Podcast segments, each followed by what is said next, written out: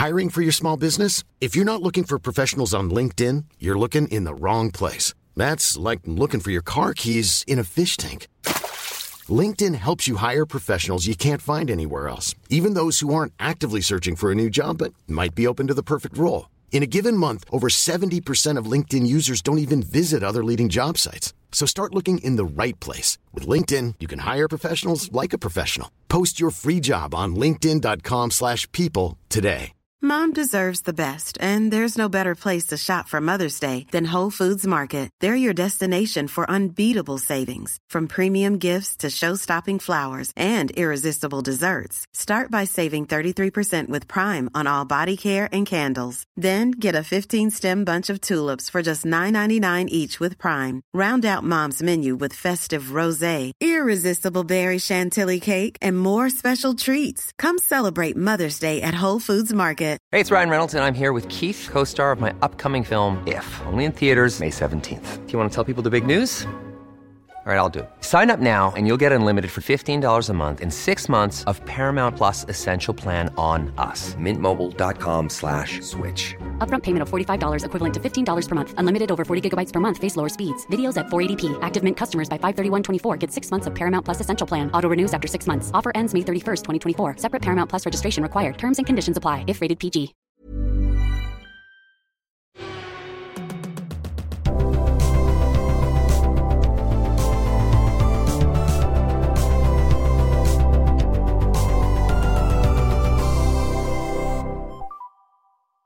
Velkommen til episode sju av Tangeringspunktet, en podkast fra formel1.no. Eh, om du ikke har hørt episode fem og seks ennå, så bør du høre dem først. For vi holder nemlig på å gå gjennom status i alle Formel 1-timene før eh, sesongstarten nå i Bahrain. Og eh, vi skal plassere dem i vårt eget konstruktørmesterskap i prosessen. Eh, og nå har vi da nådd eh, siste episode. Eh, nå har vi kommet til fjorårets topp tre. Eh, og vi starter rett og slett bare med Ferrari, som i fjor ble nummer tre.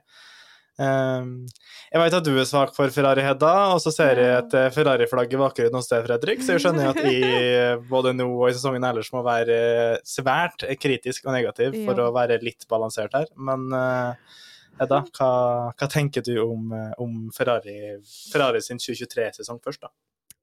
Um, nei, altså eh, Jeg kan starte med det positive, da, siden jeg er svak for Ferrari. Uh, Carlos Sainz, Ferrari-fører, den eneste utenom Red Bull som tok en seier i fjorårets sesong. Det er jo ikke noe å kimse av, på en måte. Og det var ikke på en måte bare en seier-seier.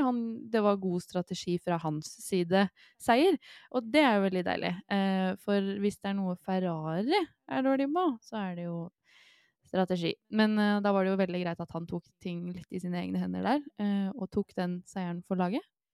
Um, men ja, Ferrari har jo uh, blitt referert til som klovner i, i det siste, som ikke er en positiv sammenligning, på en måte.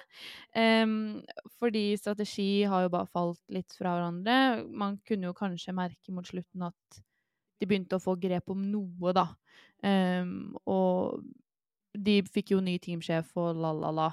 Um, og det kan jo ha hjulpet litt mot slutten. Uh, igjen, jeg nevnte jo i en tidligere episode at sånn utvikling vil man jo ikke se før det har gått litt tid uansett.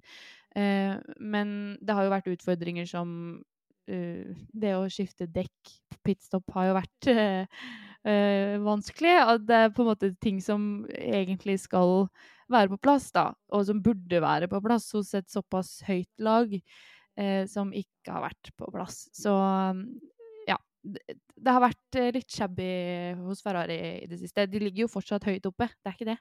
De har jo fortsatt eh, god kvalitet på, på, på liksom bil og, og førere.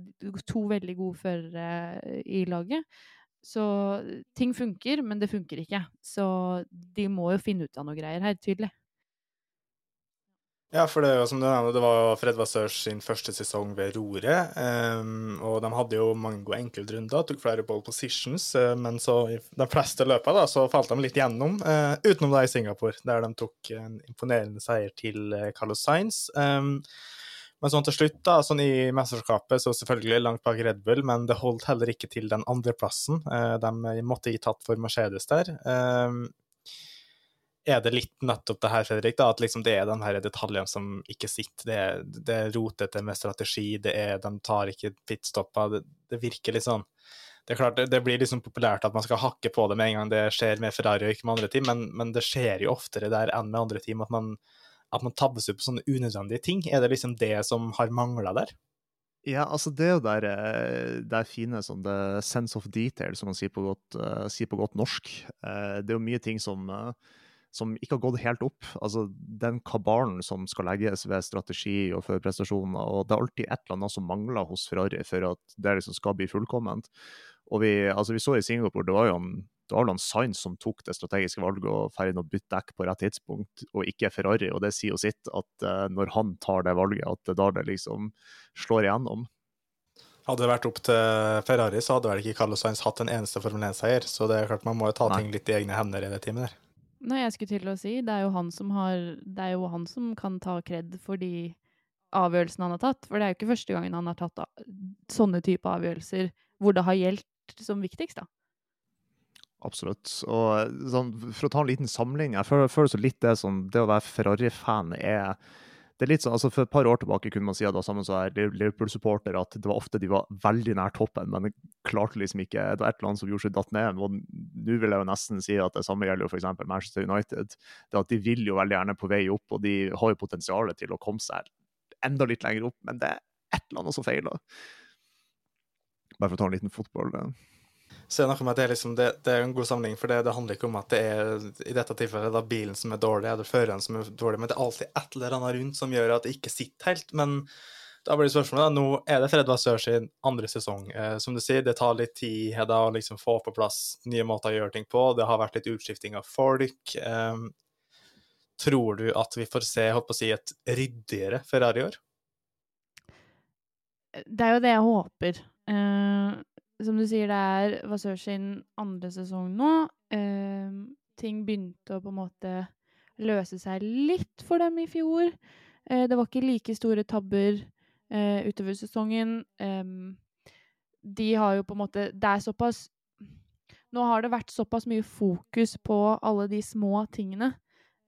så forhåpentligvis så er det noe de virkelig har gått inn for å nå rette opp i, da. I hvert fall Vasør som nå har hatt muligheten til å gjøre det over en, en, sesong og over en pause i en sesong, og nå inn i en ny, så har han på en måte kunnet etablere seg mer da, som eh, toppen av det teamet.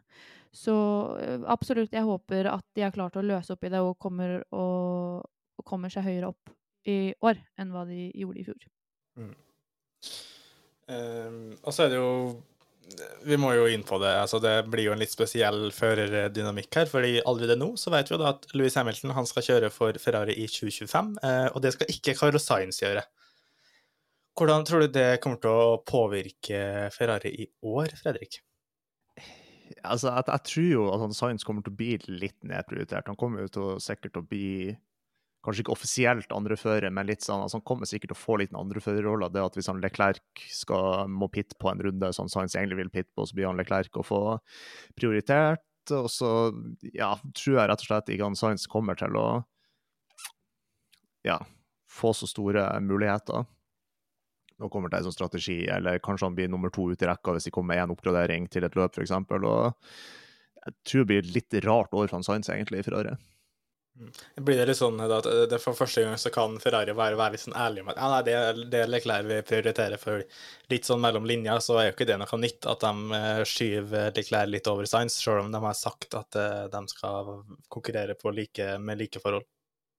Ja, jeg tror nok de kommer til å være litt mer åpne på det nå, ja. Eh, det er jo Carl, nei, Carl Sainz, Charles Leclerc som har eh, ligget som førstefører i alle soder, bortsett fra Ferrari, tydeligvis. Um, så Men nå, ja, jeg tror nok Fredrik har rett i at det kommer til å bli mer åpenlyst at det er at Carlos Sainz havner, Carlos Sainz handler, handler, havner i andre rekke.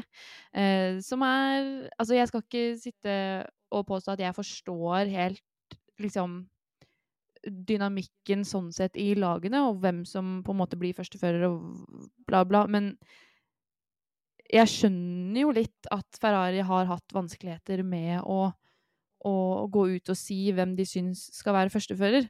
Fordi Carlos Sainz har vist gjentatte ganger at han er like god nok til å være det som det Charles Leclerc er. Ja, det var en periode i starten hvor Charles Leclerc tydelig var bedre og hadde bedre fart, og liksom tempoet var der hos han, men Carlos Sainz har kvaliteter som på en måte kommer inn og, og veier opp for det igjen, da. Så jeg skjønner at Ferrari har hatt utfordringer med å, med å velge en, eller komme ut og si at de har en. Um, men nå som det er de vet at Carlos Sainz skal bort, så tror jeg nok ikke det blir noen utfordring å si at det er Charles Leclerc de kommer til å fokusere på, med tanke på at han blir i laget. Mm. Hvordan skal han på en måte håndtere det her nå? Fordi jeg tror jo helt genuint, uten at det her skal bli for konspirasjonsteoretisk, men Ferrari må gi en svakere bil til Carlos Sainz hvis han skal klare å holde han bak Leclerc. Fordi at For det første så mener jeg at Sainz er kronisk undervurdert. Han er ikke noe dårligere enn Leclerc i mine øyne. Og i tillegg, han kommer altså, han kommer ikke til å høre på en teamordre i verden som forteller han om å slippe Leclerc forbi. Altså, han har ingenting å tape. Han kjører for egen fremtid, for egen kontrakt, for og for alt han vet, hvis han skal til Saber neste sesong, så kan det ta litt tid før han sitter i en konkurransedyktig bil igjen. Han skal utnytte det, ta de seirene og pallplassene han kan få. Så det, det, blir ikke akkurat lett for eh, Ferrari Fredrik å, å holde, holde, styr på Science nå i år. Det blir det absolutt ikke, og det er jo absolutt sant det du sier om kronisk undervurdert. for altså, Jeg husker jo tidligere sesonger, så havner, altså, hver gang Science havna på pallen, så ble det glemt. Og det var det konsekvent hver eneste gang. Eh, Brasil 2019, Gasly kom på andre, hvem kom på tredje? Eh, Sainz. Eh, Monza 2020, Gasly tok seieren, hvem kom på andre? Sainz. Abu Dhabi 2021, hvem kom på tredjeplass? Sainz. Han ble liksom bortglemt i alle de store tingene. og altså, han har jo han har jo en evne til å liksom få bilen i rett posisjon til rett tid når det bryter ut kaos. Eller liksom typ sånn Ja, for eksempel Storbritannia 2022, da han tok strategien i egne hender, samme som i Singapore. Han klarte liksom å komme seg Ta de rette valgene når teamet ikke ville gjøre det. Og som du sier, Joakim, jeg tror jo det at Ferrari må gi han en dårligere bil for å unngå at han ikke rett og slett havner i veien for Leclerc til tider. Jeg tror han kommer til å gjøre det? Ja, litt. Mm. Jeg tror han kommer til å eh, ja, komme seg foran Leclerc i enkelte tilfeller, kanskje noen løp. Uh, og da tror jeg Ferrari kommer egentlig ikke til å være helt fornøyd med akkurat det. Nei. Uh, og så er det jo liksom en del av det hele òg, er jo det her med at en ting er at ja, Sainz skal ut, Leclerc skal videre, men, men det største er jo at alle vet at neste sesong skal Louis Hamilton kjøre for Ferrari. Det er jo en mhm. svær greie, og eh, det kommer vi så inn på når vi skal snart snakke om Mercedes. Men på en måte, hvordan tror du det eh, den støyen og det fokuset vil påvirke Ferrari i år, eh, Hedda? Det er veldig vanskelig å si, um, mest fordi at det er en såpass stor forandring som skjer. Um, de siste årene så har jo sporten fått et veldig mye større publikum enn hva det har hatt. Eh, og med nye fans så kommer det Det her er liksom den aller første store utskiftningen eh, som kom så helt ut av det blå for veldig mange. Så jeg tror nok det blir veldig mye fokus på eh, å se hvordan Louis Hamilton og Mercedes nå kommer til å samarbeide, og hvordan det siste året deres kommer til å gå. Det samme med utviklingen til Ferrari. Fordi Louis Hamilton, syv ganger verdensmester, skal inn i det laget som det har vært så mye kaos rundt, da. Så eh, jeg tror nok det er to lag som kommer til å, å få veldig mye fokus denne sesongen her. Uh, hva det har å si for de forskjellige lagene, aner ikke. Kan ikke si noe på det. Um, selvfølgelig Når vi skal snakke om Mercedes, kan vi jo snakke masse om hvordan vi tror Mercedes kommer til å forholde seg til Louis Hamilton, hvordan Louis Hamilton kommer til å forholde seg til Mercedes, George Russell etc. Uh, men uh, ja, det er en interessant utskiftning som, uh, som skjer nå. Mm. Hvis vi går litt sånn tilbake til eh, hvor Ferrari ligger nå, da, Fredrik.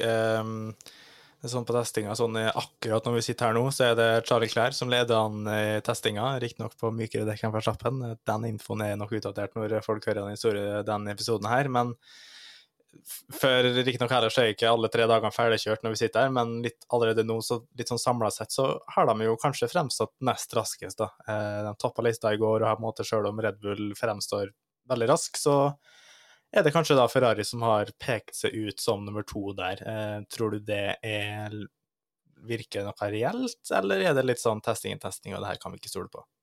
Jeg tror man må ta egentlig begge delene med en, med en liten klype salt. Altså, testing er jo testing, men samtidig så virker det som om Ferrari er, ganske, altså, er relativt solid, kanskje, på andreplass. Altså, vi har ennå ikke helt sett eh, hvilket tempo Mercedes har helt inne. Eh, og Nei, altså, jeg, jeg, tror Ferrari er nest raskest. Og altså, selvsagt, vi vet jo ikke helt hva stillinga er før Q3 er ferdig i Bahrain, men jeg tror likevel vi blir å finne Ferrari bak Red Bull. Vi trenger egentlig ikke å vente noe mer med det. Er du enig i det? For først og fremst da må vi finne ut er Ferrari raskere enn McLaren. Ja. ja. Det tror jeg.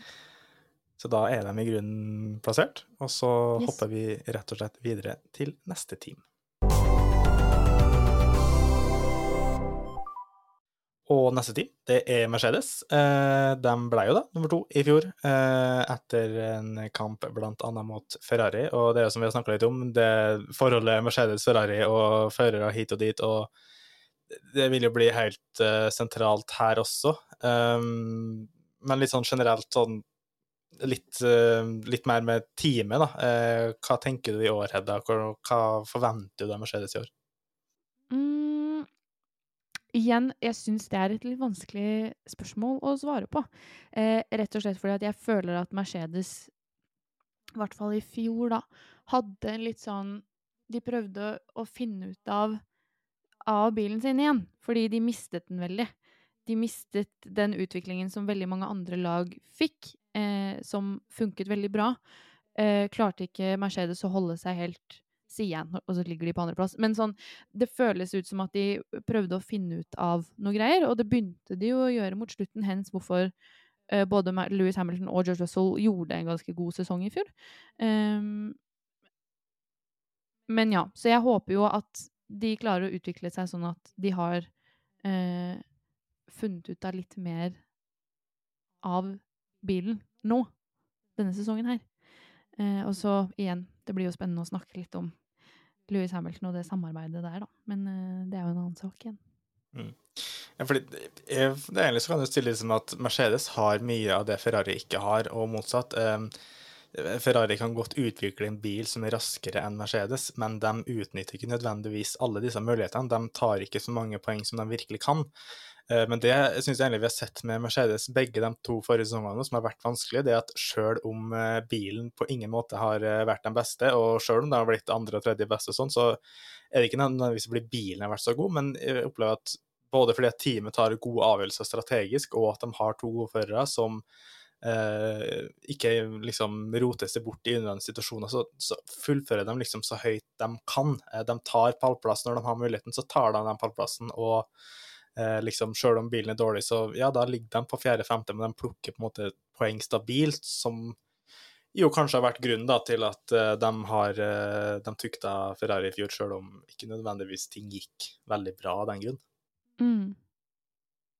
Ja, for det er absolutt noe som jeg, altså Når jeg sjekka sånn stillinga fra fjor i stad, var det at Mercedes var ikke noe liksom, det var ikke noe klar andreplass heller. Det var, Hvis man kan si at noen var relativt anonym i toppen, så var det Mercedes. Altså de, de var veldig konsekvent i, poeng, i poengplukkinga. Det var de absolutt, selv om de, liksom, de viste sjelden eller aldri noe vinnertempo. Det var liksom, de, de var stabile, kort sagt. Mm. Ja, eh, så, det blir jo spennende liksom, å se hvordan det går i år nå. Da. Hva tenker dere der? Jeg kan jo allerede avsløre nå at jeg har ikke veldig god tro på det teamet. her. Jeg tror det blir mye styr, og jeg tror det er andre som kommer til å gjøre det bedre. Men eh, sånn før vi kommer inn på litt sånn Hamilton og den eh, litt sånn krevende dynamikken der, hva, hva tror du om årets sesong for, for Mercedes, Fredrik? Jeg tror det kommer til å bli litt svakere enn i fjor. Jeg tror vi kommer til å se det i en kamp om tredje beste team i lag med McLaren. Jeg tror McLaren kommer til å utvikle seg såpass, og Mercedes har blitt altså, De kan jo si så mye de vil at de ikke blir påvirka, og at Hamilton skal bort, og at uh, han blir nedprioritert eller, snart, altså, eller ikke blir nedprioritert, eller sånne type ting. Men jeg tror det at Mercedes blir òg De er litt, litt sjokkert, rett og slett. Jeg tror de kommer til å havne litt bakpå. Hva tenker du, Hedda? Nei, jeg kan jo si meg litt enig i det. Uh, men det tror jeg kanskje er ja, Det er vanskelig å snakke om grunnen til hvorfor, egentlig. Men jeg er litt enig med deg, Joakim, at det oppleves litt rotete uh, hos dem. Og at det kanskje er grunnen til at det ikke kommer til å funke så godt, da, denne sesongen her. Mm. Nei, for det ene grunnen til at jeg tror det blir rotete, det er jo nettopp det at Louis Hamilton han, han skal til Ferrari, han. Eh, ja. Og bare sånn, Du kan isolert tenke sånn, hvis du er i en situasjon der alt handler om å slå Ferrari, sånn som det var i fjor, eh, fjor høst, da, så er det sånn hvorfor skal, hvorfor skal, du gi alt for å slå Ferrari, hvis uh, du får fordeler av at uh, Ferrari gjør det best, og at de får uh, mer penger i kassa, og hva enn det måtte være? Mm. Ehm, og så er det snakk om at hvor, hvordan skal Mercedes nå håndtere den situasjonen her? Eh, fordi Hamilton er på vei ut. og ja, Hvordan tror du Fredrik, at han kommer til å på en måte eh, håndtere hele den eh, sagaen her, som bare vil henge over dem i år? Det blir jo litt vanskelig å si da, at de kommer til å gjøre det samme som Ferrari, som vi spekulerte i stad. At de kommer til å, at de nesten må gi han Hamilton en dårligere bil enn han Russell. For det er jo liksom, altså På én side så man har jo to førere som er veldig kapable til å få, gode, få, ut gode prestasjoner av bilen, men altså, sånn, de er også en fører som skal til den, det teamet som de konkurrerte om, om andreplassen i fjor. Og så er det jo altså det er jo den der vilja til Hamilton, når man tenker sånn, når man tenker taktisk for teamene er, er hos nå, kontra teamene skal til, eller omvendt, liksom. Det, Nei, altså det, det, er vanskelig å si noe om hvordan man tror det kommer til å bli. For det er, liksom, det, det er så mange sånn små faktorer som kan påvirke både førerprestasjon og teamprestasjon. Hva tror du, Hedda? Hvordan tror du det på en måte vil påvirke situasjonen fra Hamilton sin side? Altså, kommer han til å gi like mye av seg sjøl til teamet i år som før, eller påvirkes han av situasjonen han nå står i? Jeg håper jo det. jeg håper at han, at han uh, gir like mye hos Mercedes nå. Um,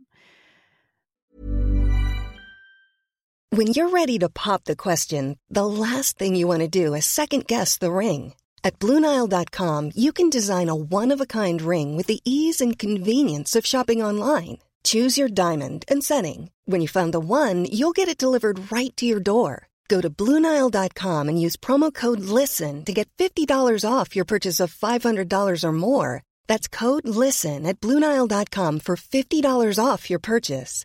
Bluenile.com code LISTEN. Hiring for your small business? If you're not looking for professionals on LinkedIn, you're looking in the wrong place. That's like looking for your car keys in a fish tank. LinkedIn helps you hire professionals you can't find anywhere else, even those who aren't actively searching for a new job but might be open to the perfect role. In a given month, over 70% of LinkedIn users don't even visit other leading job sites. So start looking in the right place. With LinkedIn, you can hire professionals like a professional. Post your free job on linkedin.com slash people today. Det, altså sånn, hvis jeg skal uh, snakke litt sånn opp i skyen om det, så håper jeg jo egentlig at han fortsatt har en liten sånn Hvis Mercedes får det til å funke nå Red Bull ser bra ut, så ta det jeg sier med en klype salt. Men hvis Mercedes får det til å funke nå, og Louis Hamilton og George Russell og alt sånn får det til å funke, så bare føler jeg på meg at han har lyst til å ta så mange seier han kan med Mercedes før det er ferdig. Eh, og det er egentlig litt håpet jeg har for Mercedes òg. Eh, og Louis Hamilton sin historie skal kunne liksom avsluttes på en fin måte, fordi han har vært der så lenge, og han har syv seire med seg, sånn, eller verdensmesterskap med seg, og det er sånn eh, Hvis man skal snakke historisk messig, så hadde det på en måte betydd mye mer hvis han ga alt nå siste sesongen han var med Mercedes, enn at han skal drive og tenke for mye på at han skal til Ferrari neste år. Um, men selvfølgelig, det kan jo gå andre veien nå. At han, som nevnt, at han kommer til å prioritere sånn Ferrari kommer til å få mye bedre utgangspunkt neste år hvis jeg eh, tråkker litt på bremsen her nå. Eh, hvis du skjønner. så det blir spennende å se, da. Eh, det kan gå to ganske motsatte retninger her. Så vi får se. Ja, for det, altså, Vi tror vel ikke det, Fredrik, at måtte altså, Hamilton er sulten på å vinne igjen, så hvis han har muligheten til å vinne et løp eller ta pallplass, så da kommer han jo ikke til å liksom eh, roe ned på, på gasspedalen, holdt på å si. Men det jeg er mest spent på, er jo kanskje sånn hvis han ligger på en 7.-8.-plass, men eh, helt maksimalt så kan han eh, hente inn en 5.-6.-plass. Det er kanskje der jeg er sånn usikker på Kommer han virkelig til å gi alt da? Eh, hva tror du? Altså Hamilton han er jo en racer, så, så, vi kan jo spekulere så mye, så mye vi vil om at han kommer til å underprestere i forhold til hvor han skal, men altså, jeg, jeg tenker jo at han altså i hvert fall når han er i toppen, så tror jeg han blir å prestere, som du sier. Da tror jeg han er veldig sulten på seier. Men jeg tror også, som du sier, at hvis han havner litt bakpå, så tror jeg at uh, den kanskje motivasjonen er litt sånn eh, Skal, skal jeg gidde? Skal jeg mm. ja, I hvert fall hvis han ikke ser noen form for utviklingen. Hvis han ikke kjenner at sånn, det her kommer til å gå vår vei etter hvert. Hvis det er ingenting som sier det til han, og han kommer til å merke det, for han har vært i gamet såpass lenge, så selvfølgelig, da, da er det jo ikke noe å ta da. Faller man jo ned på. Ja, for det det er en ting at for det første, Mercedes kommer ikke gjennom sesongen, så må de dele mindre og mindre med Hamilton. For det er helt åpenbart. Han kan ikke få vite ting om neste års bil og sånn. Og samtidig så er det noe med da er også motivasjonen mindre til at man skal bidra til at de gjør det best mulig, og for å lære mest mulig om den bilen når det etter hvert så kommer det til å handle mer og mer om hvordan 2025-bilen skal se ut. Og Hamilton har jo ingen interesse av at Mercedes skal lage en lynrask bil i 2025. Eh, så det blir absolutt interessant. Og så er det jo oppi det hele, da, så må vi ikke glemme George Russell. Eh, han, han i år må vel egentlig bare bevise at han er verdig å være en førstefører. fordi det kan f.eks.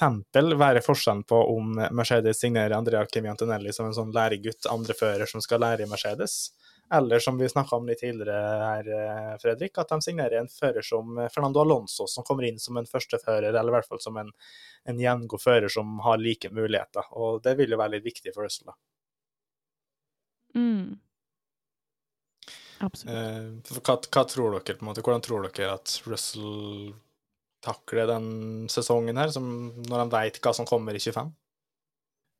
Jeg tror han kommer til å gå inn i sesongen med, med, med selvtillit enn tidligere. Jeg tror Russell vet det at han absolutt uh, har en sesong der han kanskje har mer av fokuset fra teamet. Eh, og jeg tror det kommer til å hjelpe han veldig prestasjonsmessig.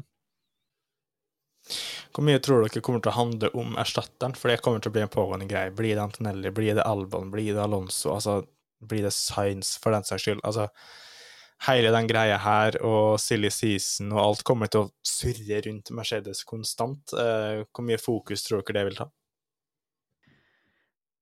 Det kommer jo til å ta en del fokus, det kan man jo ikke legge skjul på. Jeg tror det blir alle øynene på ballen til enhver tid. Sånn Hvem er det Mercedes ser på nå?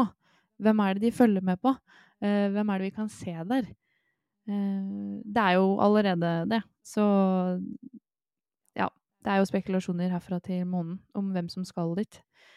Og så kan man jo snakke mye om hvem som passer best, og hvem som funker best, og uh, ja det, det, er mye å diskutere rundt det. Mm, mm. Hvis vi går litt tilbake på hva vi forventer av teamet i år, da. Uh, vi kan egentlig bare begynne litt sånn diskusjon på hvor den ender. Uh, jeg mistenker at vi i hvert fall vil ha dem uh, bak Ferrari, stemmer det, eller? Ja. ja. Det stemmer. Og da er spørsmålet kommer de foran eller bak McLaren. Og jeg, jeg kan si med en gang jeg, jeg vil ha dem bak McLaren. Hva sier dere? jeg hadde tenkt å være den kontroversielle og sette bak McLaren, men uh, jeg, jeg, hiver meg med på den. Jeg tror det at uh, de kommer til å havne bak McLaren, men at de, det i så fall kommer til å bli knapt. Jeg tror det kommer til å, kommer til å være veldig jevnt mellom de to, men jeg tror til syvende og sist at Mercedes blir å havne litt bakpå. Skal du snakke oss ut av galskapen, Hedda? Ja, nei, vet du hva. det har jo ikke egentlig så mye å si, for de havner der uansett nå. Men jeg sier meg også enig. Jeg tror McLaren Ehm, kommer til å ha en veldig god utvikling. Eh, på lik linje som Mercedes kommer til å ha en utvikling som ikke kommer til å funke så bra. Hens Mercedes havner bak McLaren. Mm. Og det er noe med det med at det har vi snakka litt om tidligere når vi snakka om McLaren. Det er jo da i forrige episode, for den som ikke har hørt det. Men de er jo et av de teamene nå som har en trygg førerduo som virkelig kan -hmm. gi alt for teamet. Eh, og det det vet vi rett og slett ikke om vi har i, i Mercedes. Og da, sjøl om vi ofte sier da, at uh, holdt på å si, McLaren skal ikke kunne slå Mercedes, fordi de har jo en Mercedes-motor, og det, det, burde på en måte være Mercedes som er best. Så i hvert fall i vårt tips da, så har vi satt McLaren foran Mercedes. Vi kan i grunnen bare hoppe videre, eh, og nå har vi nådd toppen. Eh, vi har med andre ord nådd Red Bull. De var fullstendig suveren i fjor. Eh, de sikra seieren i 21 av 22 løp. Og ja, som vi har nevnt litt, testinga er i gang. De ser lynraske ut nå også. Fredrik, er det i det hele tatt spennende? Altså, sånn, det, det, som er spennende å se i år, er jo om de nye komponentene de har kommet med på bilen, eh, kommer til å hjelpe det. Eh, mm. For de som er litt out of the loop, så har jo Red Bull introdusert mye sånn eh, aerodynamiske elementer, i hvert fall fra sidepodsene og bakover, som virker veldig inspirert av ideer som bl.a. Mercedes brakte til griden. De har et veldig minimalt luftinntak på sida, som også er vertikalt, noe likt det Mercedes eh, prøvde seg på i 2022. Og så har de også denne eh, såkalte ja, utbulinga, eller pølsa, som da går fra haloen og bak mot eh, bakvingen på sida av luftinntaket. Og ja, Det er han Adrian Lewis har designa det, så jeg mistenker jo at han vet absolutt hva han driver på med, kontra det Mercedes har eh, eksperimentert med. og eh, jeg, jeg tror rett og slett det blir et spørsmål om, eh, ikke om Red Bull er best, men hvor mye de er best med. Ja, og da, det, for det kan jo hende det blir litt av spørsmålet her. Vi, vi, kan jo være Det ville vært overraskende å ikke tippe Red Bull på topp, på en måte, men i hvert fall Hedda, Tror du den blir like suveren i år som den var i fjor? Eh, faren er jo der, forhåpentligvis. Sånn som vi har snakket om de andre lagene nå, så vil det være lag baki her som kan komme og utfordre mer enn hva de gjorde i fjor. Så eh, Spørsmålet er bare om vi har hatt en sånn her utvikling, som på en måte bare de lagene Altså for, lagene har forflyttet seg framover like mye, for da vil vi jo ikke det. Um, så spørsmålet ligger jo på om de andre lagene har klart å utvikle seg i den retning Red Bull har. Uh, og det er jeg litt usikker på om de har ennå. Um, og foreløpig, sånn som vi har snakket om det, så er det jo Ferrari som ligger best uh, i grunn for å klare å ta den kampen med Red Bull, da. Eh, så vi får se.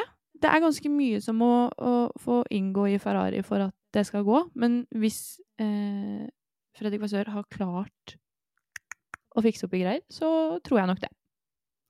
At de klarer å ta igjen Red Bull litt. Mm. Eh, for det er jo på en måte litt det som blir spenninga. Sånn hvor sesongen før var jo ekstrem. Eh, altså Én seier til et annet lag er jo, er jo helt uh, usedvanlig. Um, men før vi på en måte snakker litt videre litt sånn om førerparet og sånn, det er ganske interessante varianter der òg, så må vi snakke litt om Christian Horner. Um, han er jo nå anklaga for å ha sendt upassende meldinger til en kollega, uh, og det her etterforskes han nå for uh, av da Red Bull sentralt, ikke Red Bull Racing, men Red Bull sentralt. Um, Sjøl benekter han jo alt, og, men kan heller ikke på en måte kommentere så mye av det. Vi har ikke så mye info om det. Uh, og han er jo på plass under testinga, og per nå er han fortsatt teamsjef i Red Bull, og vi må jo bare anta at han er det også i Bahrain. Uh, og vi må jo tydelig påpeke at vi veit egentlig ganske lite om saken, fordi ja da, det går rykter overalt, men vi må huske at Red Bull det er det teamet folk er kanskje mest glad i å lage rykter om. Så sjøl om ja, kanskje noe av det stemmer, så må vi alltid vite at veldig mye av det andre kan være litt sånn ut av, ut av lufta. Eh, men likevel, da, så må vi jo snakke litt om det. Eh, Fredrik, om det nå ender som det kan gjøre, da, at Horner må ta hatten sin og gå, han eh, er ikke lenger teamsjef for Red Bull, hvordan ville det påvirka teamet? jeg tror det kommer til å bli noe sånn ubalansert eh, internt. Ting kommer til å bli liksom Det blir litt tror jeg kommer til å bli litt rot i, uh, internt i systemet. og Altså, det er jo vanskelig sånn, å, å si noe om altså, Vi vet jo ikke hvem som er en mulig eh, etterfølger til han Horner hvis han er opp med å gå. Eh, og vi vet ikke om det kommer til å skape såpass ubalanse at Red Bull plutselig faller helt sammen og havner veldig bakpå. Så det, altså det, det, det, er mange ting som kan skje, det er mange ting som ikke kan skje, altså rent sånn prestasjonsmessig. Så det er liksom Det er veldig usikkert å si noe om eh, om det kommer til å påvirke resultatet ut på banen noe særlig. Ja, for det, det jo, vi snakker jo om den lengstsittende teamsjefen. Eh, jeg vet ikke hvor mange år det er blitt nå, men det er mange. Eh, og det er én ting at liksom eh, team kan komme seg gjennom et sånt bytte av teamsjef, men her snakker vi om en som har sittet så lenge i ett og samme team. Eh, og ja, ta for eksempel Verstappen har jo selvfølgelig aldri, har jo ikke nesten så vidt jeg har vært litt innom Toss, men har, så vidt ikke, har nesten ikke hatt en annen teamsjef å forholde seg til, og det samarbeidet har gått veldig bra. Eh, det, det, er jo sikkert, det kan ikke være så veldig lett for førerne heller, da, det her hvis det nå ender med at man plutselig må forholde seg med en ny, pas, ny person og en allerede sånn utfordrende dynamikk kanskje mellom førerne skal liksom utfordres av, av et annet, annet, Fra noen som kommer fra et annet ståsted, da. Eh, hva tenker du om det, Hedda, hvis det, hvis det nå skulle skje, da? Uh, nei, det er jo litt sånn Når man får en ny sjef, så vil det bli rot, uansett hvilket yrke man er i. Eh, fordi det vil komme inn nye strukturer, nye ideer, nye tanker eh, som vi har snakket om ved tidligere, for det har jo skjedd noen utskiftninger i det siste hos flere lag. Og man merker jo ikke den utviklingen med en gang, men den kommer jo, ikke sant. Så uh, han har sittet lenge. Og han har mm. samarbeidet med Max Verstappen lenge. Så det at Max Verstappen da skal få noen andre å skulle samarbeide med, uh, det blir nok interessant. Og det tar tid å opparbeide seg sånne relasjoner også. Så rot blir det garantert hvis eh, Christian Horner ender opp med å måtte gå fra Red Bull nå. Eh, vi vet jo ikke engang hvem som skulle tatt over, så det er jo der vi Dette er en sak vi vet veldig lite om. Så foreløpig så må man nesten bare forholde seg til at han blir der. Eh, for det blir for vanskelig å skulle drive og prøve å sette seg inn i noe annet. Mm. Ja, for det som de, Vi må jo bare anta at han kommer til å fortsette, og det, det gjør han jo frem til det kommer en avgjørelse i den saken her. og Det er bare noe man må følge med på. og Så er det et lite tips da å ikke hoppe på ethvert rykte her. fordi for For nå dagen før vi spilte inn her, så kom det rykter om at ja, han skal jo si opp 28.2. Eh, men så viser det seg at det kommer jo bare fra en feilformulering på en eh, finsk TV-sending, liksom. Så det, skal så utrolig lite til for at et sånt rykte bare flyr opp, fordi alle har så lyst til at sånne ting skal stemme eller ikke stemme, eller hva det nå er. Så generelt uh, tenk litt på hvor dere, hvor dere leser om Horner. For F.eks. for Formel1.no så prøver vi å være litt restriktive og ikke skrive om alle verdens rykter. og det gjelder jo også andre kilder som man er vant til å lese på, ikke begynne å lese de mest shady nettstedene om akkurat denne saken, for da er det ikke sikkert dere får den beste infoen heller. Um, men hvis vi går litt videre, da. Um, en ting er Max Verstappen. Han er veldig god til å kjøre bil og er soleklar favoritt til å vinne også i år. Uh, på andre sida av garasjen så har vi Sergio Perez. Han kjemper litt for tilværelsen, eller Fredrik? Uh, det gjør han absolutt. Han viste jo en altså, veldig godt tempo de første løpene i fjor. Og han ble jo nesten utpekt ganske tidlig som en slags sånn gatebanespesialist i fjor, og han tok vel seieren i både Saudi-Arabia og, og, Baku. Men så kom han hjem der han, han starta fremst, Verstappen ganske langt bak, og folk trodde jo at Peres blir lett å vinne, men så kom han Verstappen, tok igjen Peres, kjørte fra Peres, og det virka som at den knekken egentlig bare definerte resten av sesongen for han Peres. For etter det så ble han ble aldri den samme, egentlig. Nei, og det er jo spesielt da siden etter at uh, Dan Ricardo kom tilbake i, uh, til, uh, til Alfa Tauri, som nå da blir visa RB. Um, det er også for dem som nå kanskje har sett Right to Survive, så ser man jo der hvor delaktig Christian Horner nettopp er i den avgjørelsen. Altså, det handler ikke bare om Alfa Tauri, det handler veldig mye om Red Bull, den avgjørelsen om at han skal komme tilbake igjen. når man ser den scenen da, når han, han, får vite det rett etter at han har testa Red Bullen på Silverstone og det, det, er liksom, det er veldig tydelig det at Ricardo kom delvis inn i det teamet for å legge press på Perez, og så ble det litt merkelig, da, fordi at Ricardo ble skada, var ute lenge, og liksom det, til slutt så ble ikke det aktuelt å bytte ut Perez, men nå starter en ny sesong, og akkurat det samme presset ligger der. At både Ricardo og andre, det er jo rykter om Albon og ditt og datt og flere andre som er aktuelle for det andre setet ved siden av Verstappen, at, at Perez er veldig pressa av den plassen nå, er det? Veldig pressa. Uh, og vi merket jo at han kjente på det presset allerede i fjor, som vi nevnte. Og det ble jo ikke supermye bedre uh, når man merket at han merket det, hvis du skjønner. Uh, så det blir jo interessant å se hvordan han nå har taklet det, etter at han på en måte har levd litt med at det presset kommer til å ligge der. Har han klart å bli vant til at det ligger der, og klarer da å jobbe rundt det og med det der, eller ligger han på samme sted nå som han gjorde da? Så jeg tror ikke han kommer til å ha en spesielt god sesong i år heller. Eh, for jeg har jo puttet inn Daniel Ricardo hos Red Bull fra 2025-sesongen. Så jeg tror jo at uh, Ricardo kommer til å ha en god sesong hos Visa Cash App, eller Visa RB Racing, eller hva vi kaller det. Og kommer da til å ta det settet fra Sergio Perez, som ikke kommer til å klare å prestere med det presset hengende over seg. Dessverre. Jeg skulle ønske Sergio Perez er god, liksom, men ja. ja. for det er, jo, det er jo i hvert fall veldig sånn det, det, her er jo en av de store tingene man må følge med på Red Bull, uh, uavhengig av hvor bra de kommer til å gjøre det. Uh, fordi her kommer jo til å falle en avgjørelse på et eller annet tidspunkt. Uh, Tror du Fredrik, at han kan være såpass gira på å få opp Rigardo og få inn låsen i viset at det kan skje sånn i løpet av sesongen, eller tenker du at Peres i hvert fall kan sitte trygt ut året og fokusere på å gjøre en såpass god jobb at han får ny tillit? Jeg tror absolutt ikke Peres er, er, trygg. Og Red Bull har jo vært altså det, er jo, det, er jo, det, er jo, ikke fremmed til å bytte ut førerne midt i sesongen i det hele tatt. Eh, kanskje nyligst i løpet av siste årene, var jo det når de bytta om på Gasly og Alban midt i sesongen, da det ikke funka helt fra Gasly. Og ja, etter hvert så kom jo det byttet i Alfa Tauri, der de bytta ut han til Friis foran Ricciardo. Uh, så jeg tror absolutt at han Peres han, han, må prestere. Han har absolutt ikke noe, sånn, noe sikra plass til etter sommerferien, liksom. Nei, det, det, blir veldig spennende å følge. Uh, og så er det kanskje litt sånn også i år da, at eh, Red Bull, hvis det er sånn nå at eh, Ferrari og andre er nærmere i år, eh, så kan det hende at de er litt mer avhengig av hjelp fra Peres i, i konstruktørmesterskapet. fordi ja, det var jo ikke akkurat sånn at han trengte så mye hjelp i fjor. Det? Nei, eh, han lå noen runder foran, for å si det sånn. Eh, så nei. Eh, han runder faktisk sekunder, mener jeg selvfølgelig.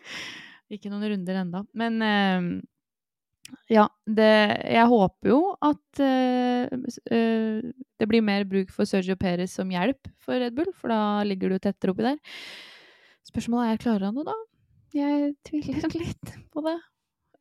så ja, jeg syns det er vondt å si, for han er en veldig god fører. Han har vist flere ganger at han er veldig kapabel til å være der han er, samtidig som han konkurrerer mot Max frikken Verstappen, som gjør ting veldig mye vanskeligere enn hva det nødvendigvis hadde trengt å være.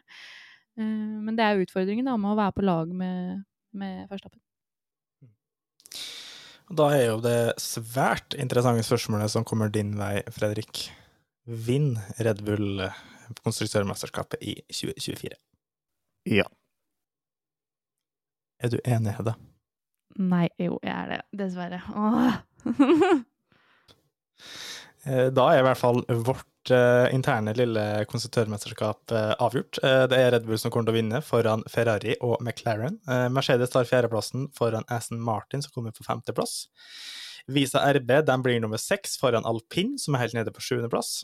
Åttendeplassen går til Williams foran Sauber, som er på nummer ni. Og helt nederst er det Has. Stakkars Has. Vi burde ha putta Has litt høyere. Sånn sympati, sympatiflytt? Ja, gi dem en liten sjanse. Se om de klarer å holde seg der, liksom. Det er sånn man kommer inn i et klasserom, og så gir vi gir dem en A, og så får de prøve å jobbe hardt for å beholde den A-en, og så faller de jo sikkert ned igjen, da, men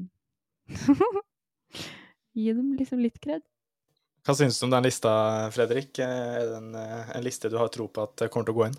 Ja, det, det vil jeg absolutt si. Altså, det er jo Jeg syns jeg har plassert teamene på en veldig sånn fin og realistisk og verdig plass i forhold til hvor, eh, hvor de blir å ende opp. Mm -mm. Da gjenstår det rett og slett bare å følge med. Da. Nå er det ikke lenge til sesongen faktisk eh, starter.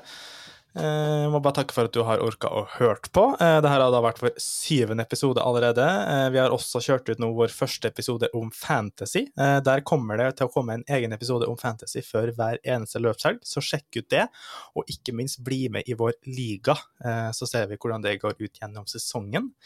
Vi har også kjørt ut vår første episode i noe vi har, klart, vi har valgt å kalle Formel 1 forklart fort. Der går vi inn på litt mer sånn konkrete tema om hvordan ting funker i Formel 1, og der vil det komme episoder jevnlig. Eh, der tar vi for oss litt sånn det grunnleggende med en løvselg nå i første omgang.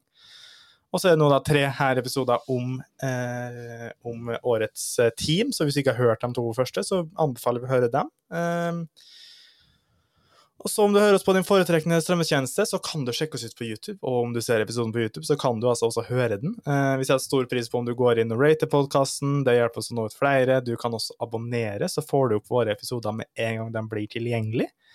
Eh, så er det også en podkast fra formel1.no. Gå inn der for å lese ferske Formel 1-nyheter og artikler hver dag. Og så høres vi plutselig, og nyt årets første løpshelg. Woohoo!